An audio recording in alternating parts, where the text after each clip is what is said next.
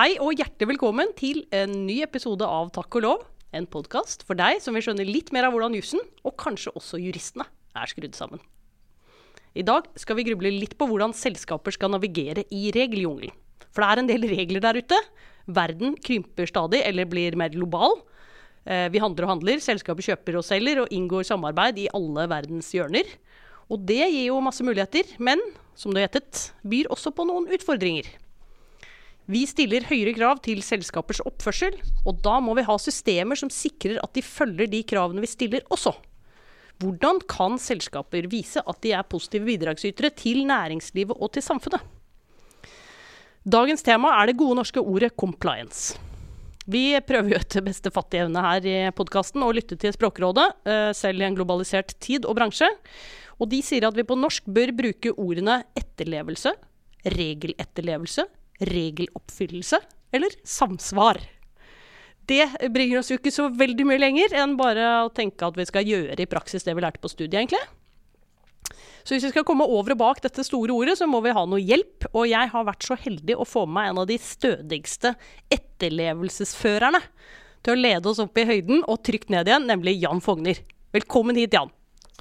Fantastisk. Jeg har gledet meg veldig. Fra første gang jeg så din Takk og lov, har jeg tenkt dit vil jeg. Åh, takk og lov!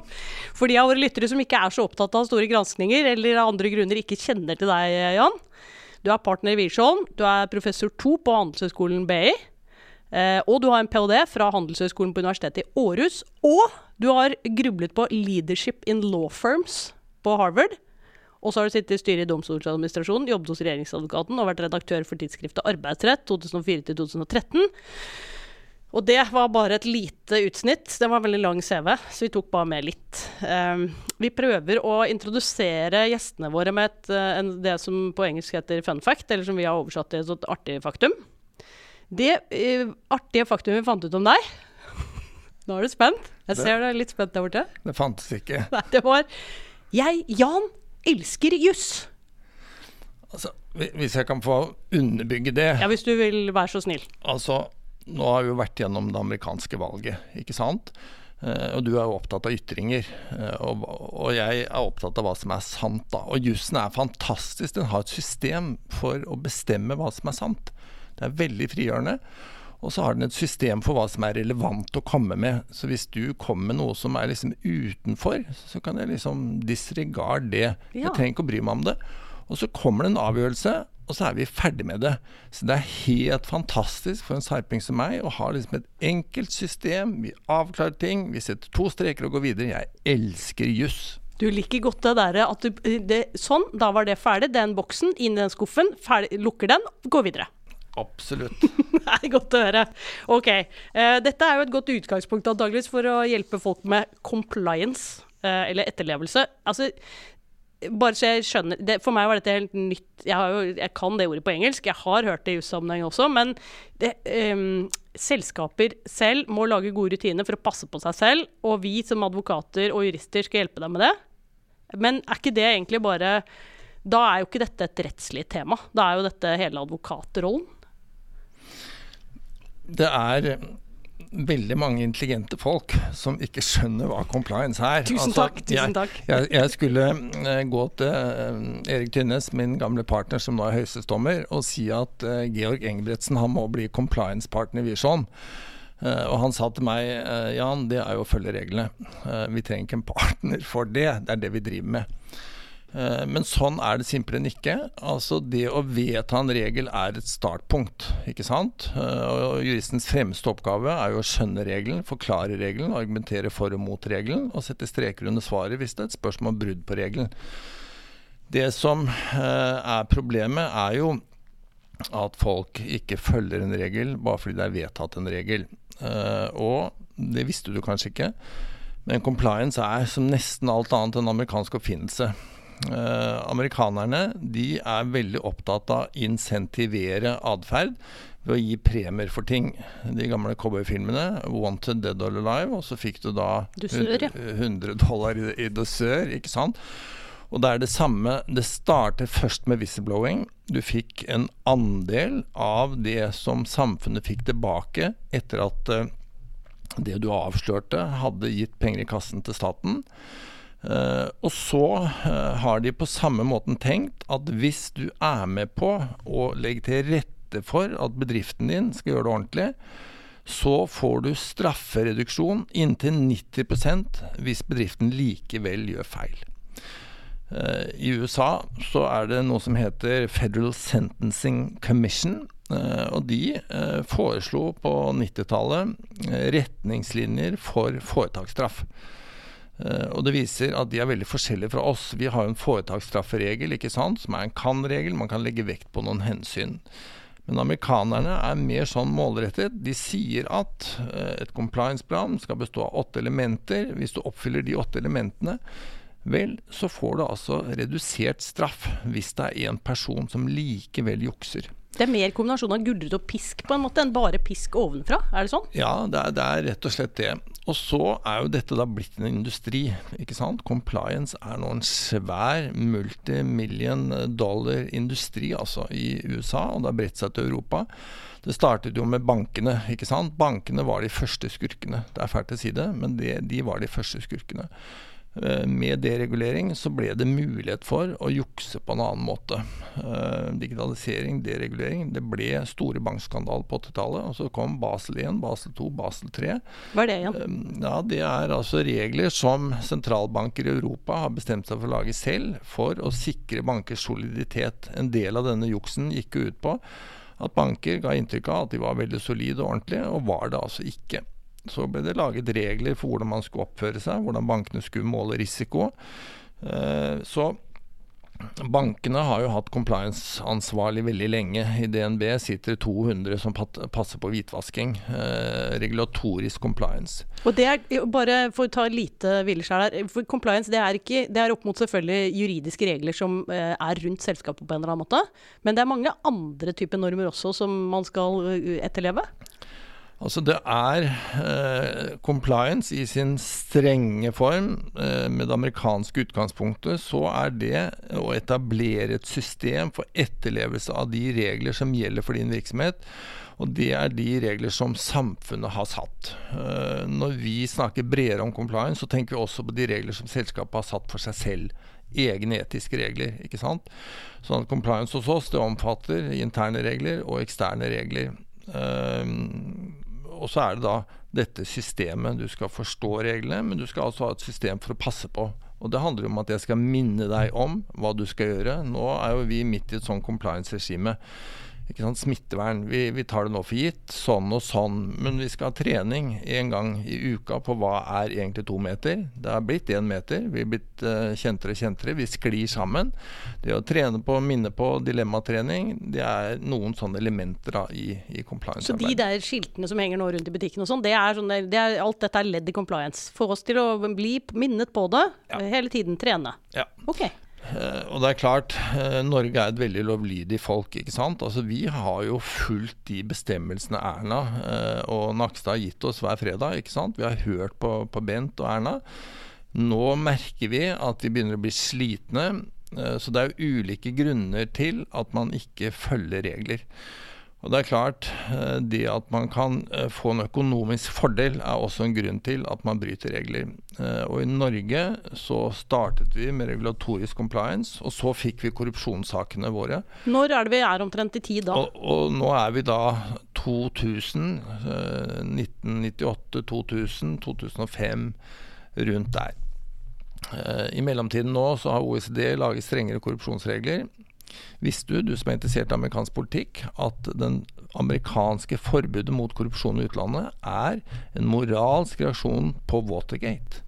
Nei, det visste jeg ikke. Altså Etter det vi har opplevd nå, med Trump og valget, ikke sant, stolen election, eh, så oppstår det kanskje det var, det var ikke det, altså. Det var ikke det. Så oppstår det kanskje en sånn moralsk ting. Dette er for drøyt. Uh, Watergate det rystet jo både demokratene og republikanerne. Og det ga en slags sånn nymoralisme i Kongressen. Uh, og så oppdaget de som ledd i Watergate-etterforskningen etterpå, altså de høringene de hadde, at amerikanere drev med korrupsjon i utlandet.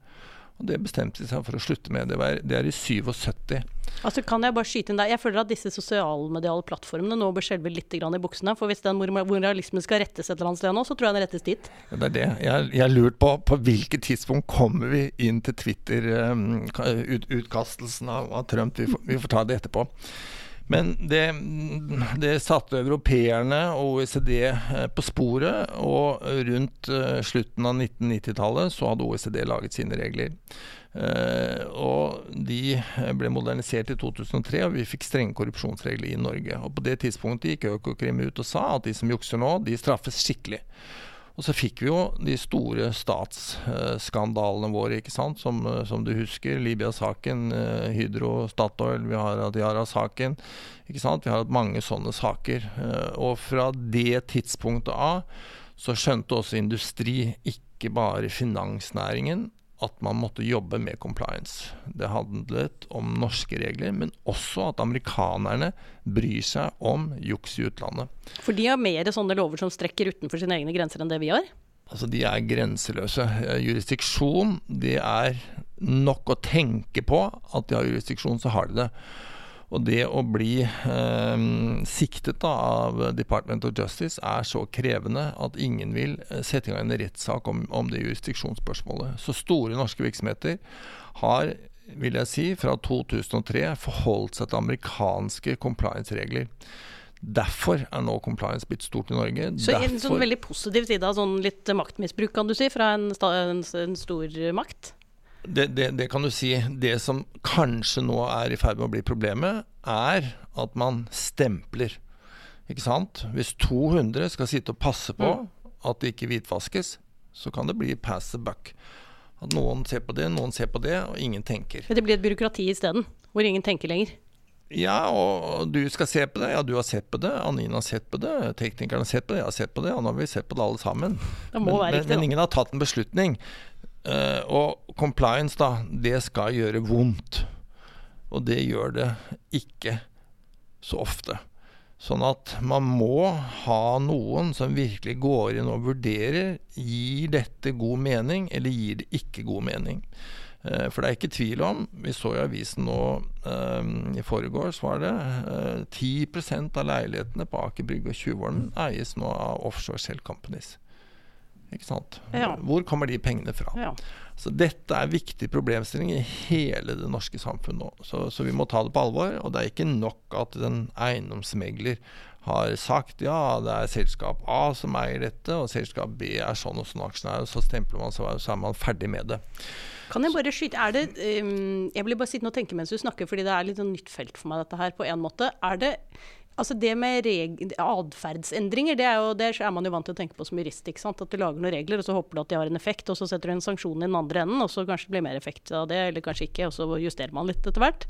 Ja. Men det man egentlig gjør, da, kanskje fordi det er blitt så komplekst, alle disse regelverkene som gjelder, ja. det er at man på en måte bygger opp rutiner og systemer innenfra, istedenfor å bare stole på at det er det ytre presset som ja. trengs. Ja, og, og, det tror jeg nok er en erkjennelse i Norge, at det er ikke nok å ha en regel og et tilsynsorgan. Altså Du må motivere virksomhetene selv til å gjøre noe med det.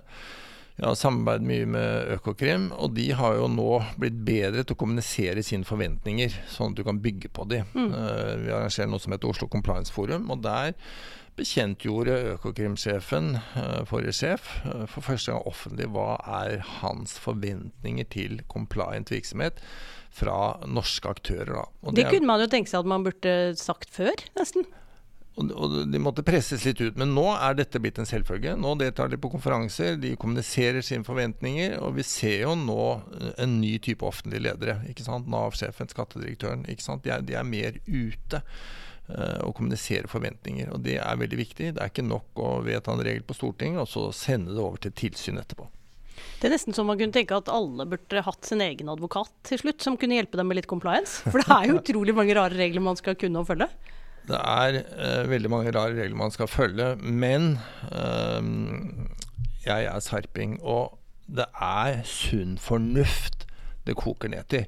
Det er veldig sjelden at det er avansert uh, å skjønne om du har gjort noe gærent. Jeg er enig i det, altså. Ikke sant? Altså, du, du, forstår det egentlig veldig godt, og så har vi alle de tingene hvor man uh, skriver papirer og får ting til å se fint og komplisert ut.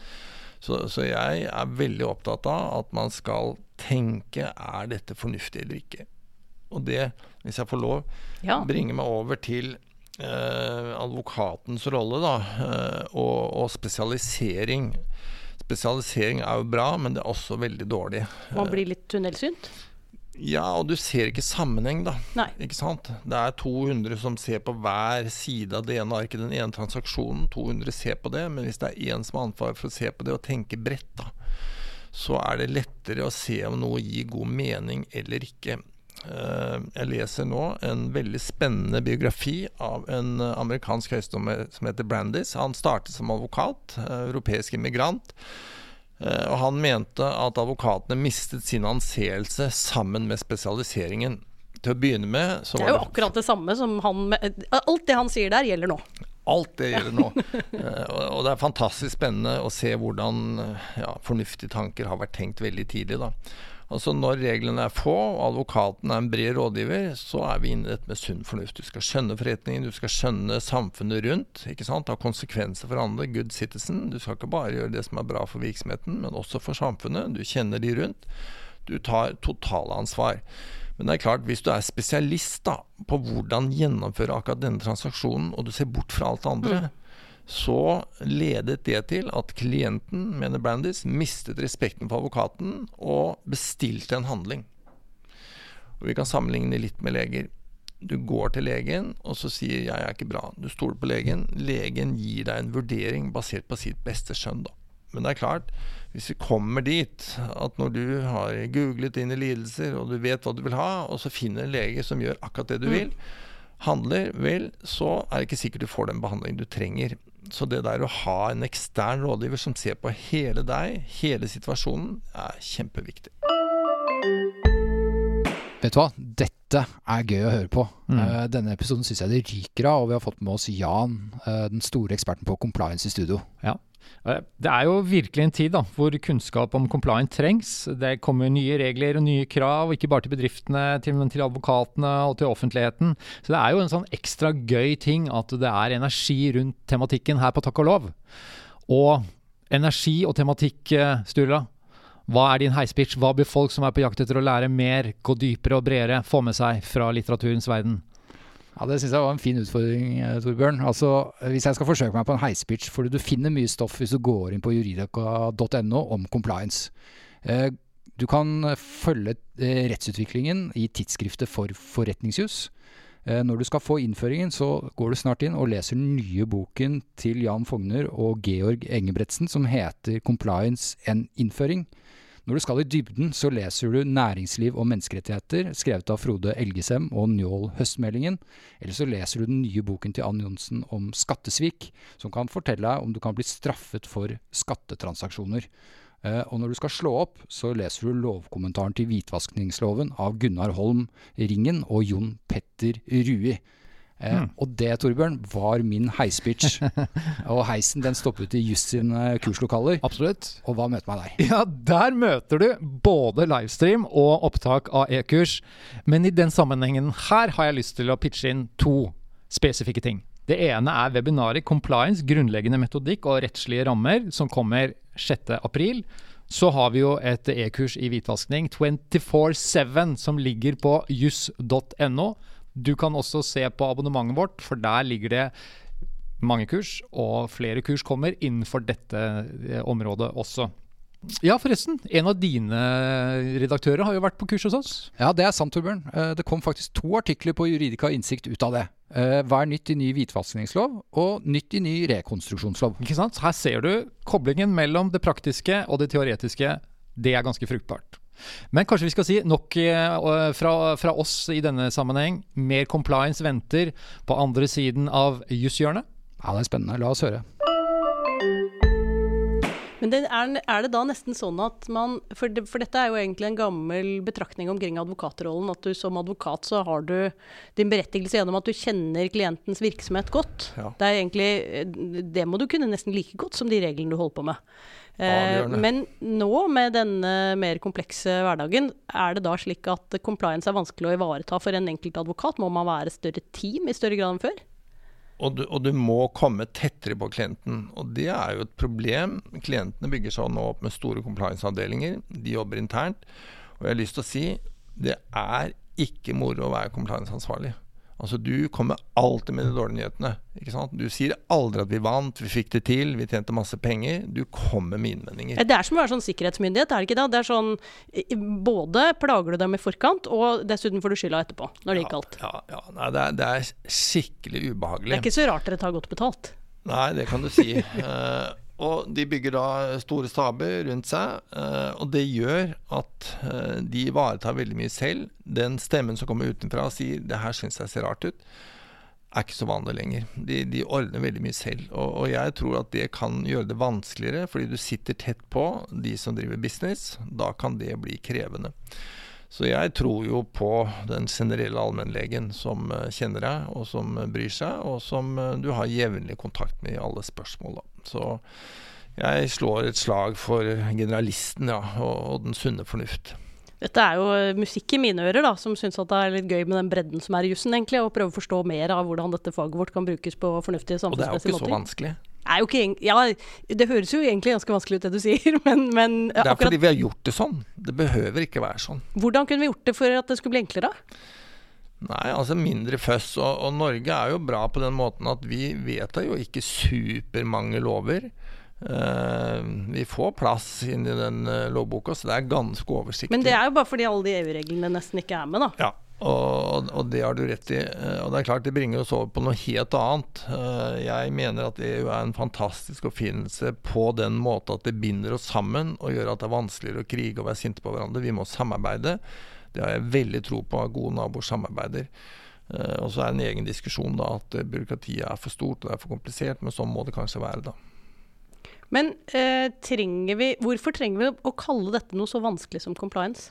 Det vi snakker om nå er, det er som du sier, det er helt ja, common sense er jo også et godt norsk ord, kan du si. Men, eh, men eh, kan, vi, eh, kan, vi, gjøre noe for å få det til å bli bedre mer forståelig? Eller er det en del av det man tjener penger på, å gjøre det litt uforståelig, sånn at alle trenger mer av det?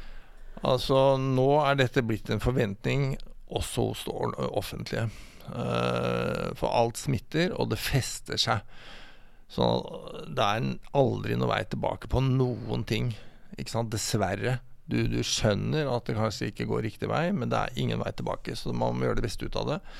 Uh, Høyesterett har nå forventninger til uh, hva du har gjort ved bedømmelsen om du skal få foretaksstraff, og mm. hvor streng straffen skal være. Hvor gode systemer har du hatt. Sånn at dette er kommet for å bli. Så det det handler om nå, da, er jo å sørge for at compliance-ansvarlig har ordentlige fullmakter, er en flink person og som kan snakke direkte til daglig leder og ikke havner nede i et høyre hjørne sammen med mange andre som sitter og, og, flikker med små ting. De må jobbe med de reelle spørsmålene der de forretningsmessige avgjørelsene tas. Er dette nå greit? Hva er konsekvensen av dette? Vi har ennå ikke snakket om menneskerettigheter. Hva er liksom konsekvensene ved denne utbyggingen? Vi har denne tillatelsen. Er den lovlig? Er den korrupt? Hva er konsekvensene? Hvis konsekvensene er at uh, ja, to landsbyer blir uten vann, er det et rødt flagg i forhold til korrupsjon? Hvordan har vi forsikret oss mm. at det ikke er korrupsjon her? Så compliance-ansvarlig, brukt på riktig måte, er kjempeviktig. Menneskerettigheter er jo noe man er vant til å tenke på at det er statenes ansvar, egentlig. At det er statene som skal passe på borgernes rettigheter på en eller annen måte. Men uh, selskaper kan også ha menneskerettighetsforpliktelser, det er det ja, du sier? Ja. Hvordan uh, spiller det seg ut i praksis? Altså um, vi, vi, er jo nå Eh, på et vis tilbake til 1920. Eh, vilkår for arbeidsfolk går ned i mange deler av verden fordi det er eh, stor arbeidsledighet i, i, i, store grupper. De må finne seg i, i mer. og det er konsentrasjon om store virksomheter. natur er under press. Sånn at folks levevilkår er satt under press på en annen måte det at eh, England har laget en Anti-Slavery Act, at Norge nå jobber med det samme, sier det i én setning. Mm. ikke sant? Og vi har hatt uh, Lime-saken i Oslo, ikke sant? et gatehjørne på Frogner, og du aner ikke hva som foregår der inne. Sånn at uh, det at aktørene har et ansvar for å passe på disse livene utover selve den enkelte handling. I dag ble det to timer overtid ekstra. Det er totaliteten i deres levevilkår. Det er et ansvar som virksomhetene har. Og Der har jo advokatene mener jeg, en veldig viktig rolle med å fortelle klientene hva som er riktig. Altså, dette husker Jeg jeg var- jobbet i et advokatfirma i Chicago i rundt uh, årtusenskiftet. og Da satt jeg og laget en sånn oversikt over sånne social corporate responsibility-normer som fantes for å lage en sånn slags grunnlov som de kunne tilby til klientene sine. Og det var noen sånn utrolig fremmed ting for meg å jobbe med på den tiden som jurist med norsk bakgrunn. Ja. Men det er jo som du startet med i podkasten her nå, den, den på en måte insentivstyringen som kanskje er vanligere i USA. da, Det å tenke samfunnet bygget opp nedenfra istedenfor bare styrt ovenfra, er det noe som er eh, fjernere for norske selskaper å forholde seg til enn en, en amerikanske og andre, eller eh, er dette en utvikling som skjer på tvers av verden? Nå, nå er vi der. Det var fremmed for oss, nå er vi der. Og jeg tror at det ligger veldig til norske virksomheter å tenke på konsekvenser for natur, miljø og mennesker, for vi er så få. Det er oversiktlig, vi har et forhold til egen natur. Ehm, så alle store norske aktører har et forhold til dette i dag. Ehm, men eh, hvis jeg får lov, vi må snakke litt om advokatens ansvar for dette. ikke Veldig sant? gjerne. Det vil jeg høre om. eh, vi touchet jo dette med spesialisering, eh, og advokaten blir en hired gun. Jeg mener at en advokat må være klar over at de råd han eller hun gir, er verdibasert og har konsekvenser. Eh, og du må ta ansvar for de rådene. Eh, og jeg mener jo at eh, det advokatløftet vi ga på universitetet, regler for god advokatskikk, handler jo om at du skal fremme rett og hindre urett. Og det er ikke bare å være en maskin og si hva regelen går ut på.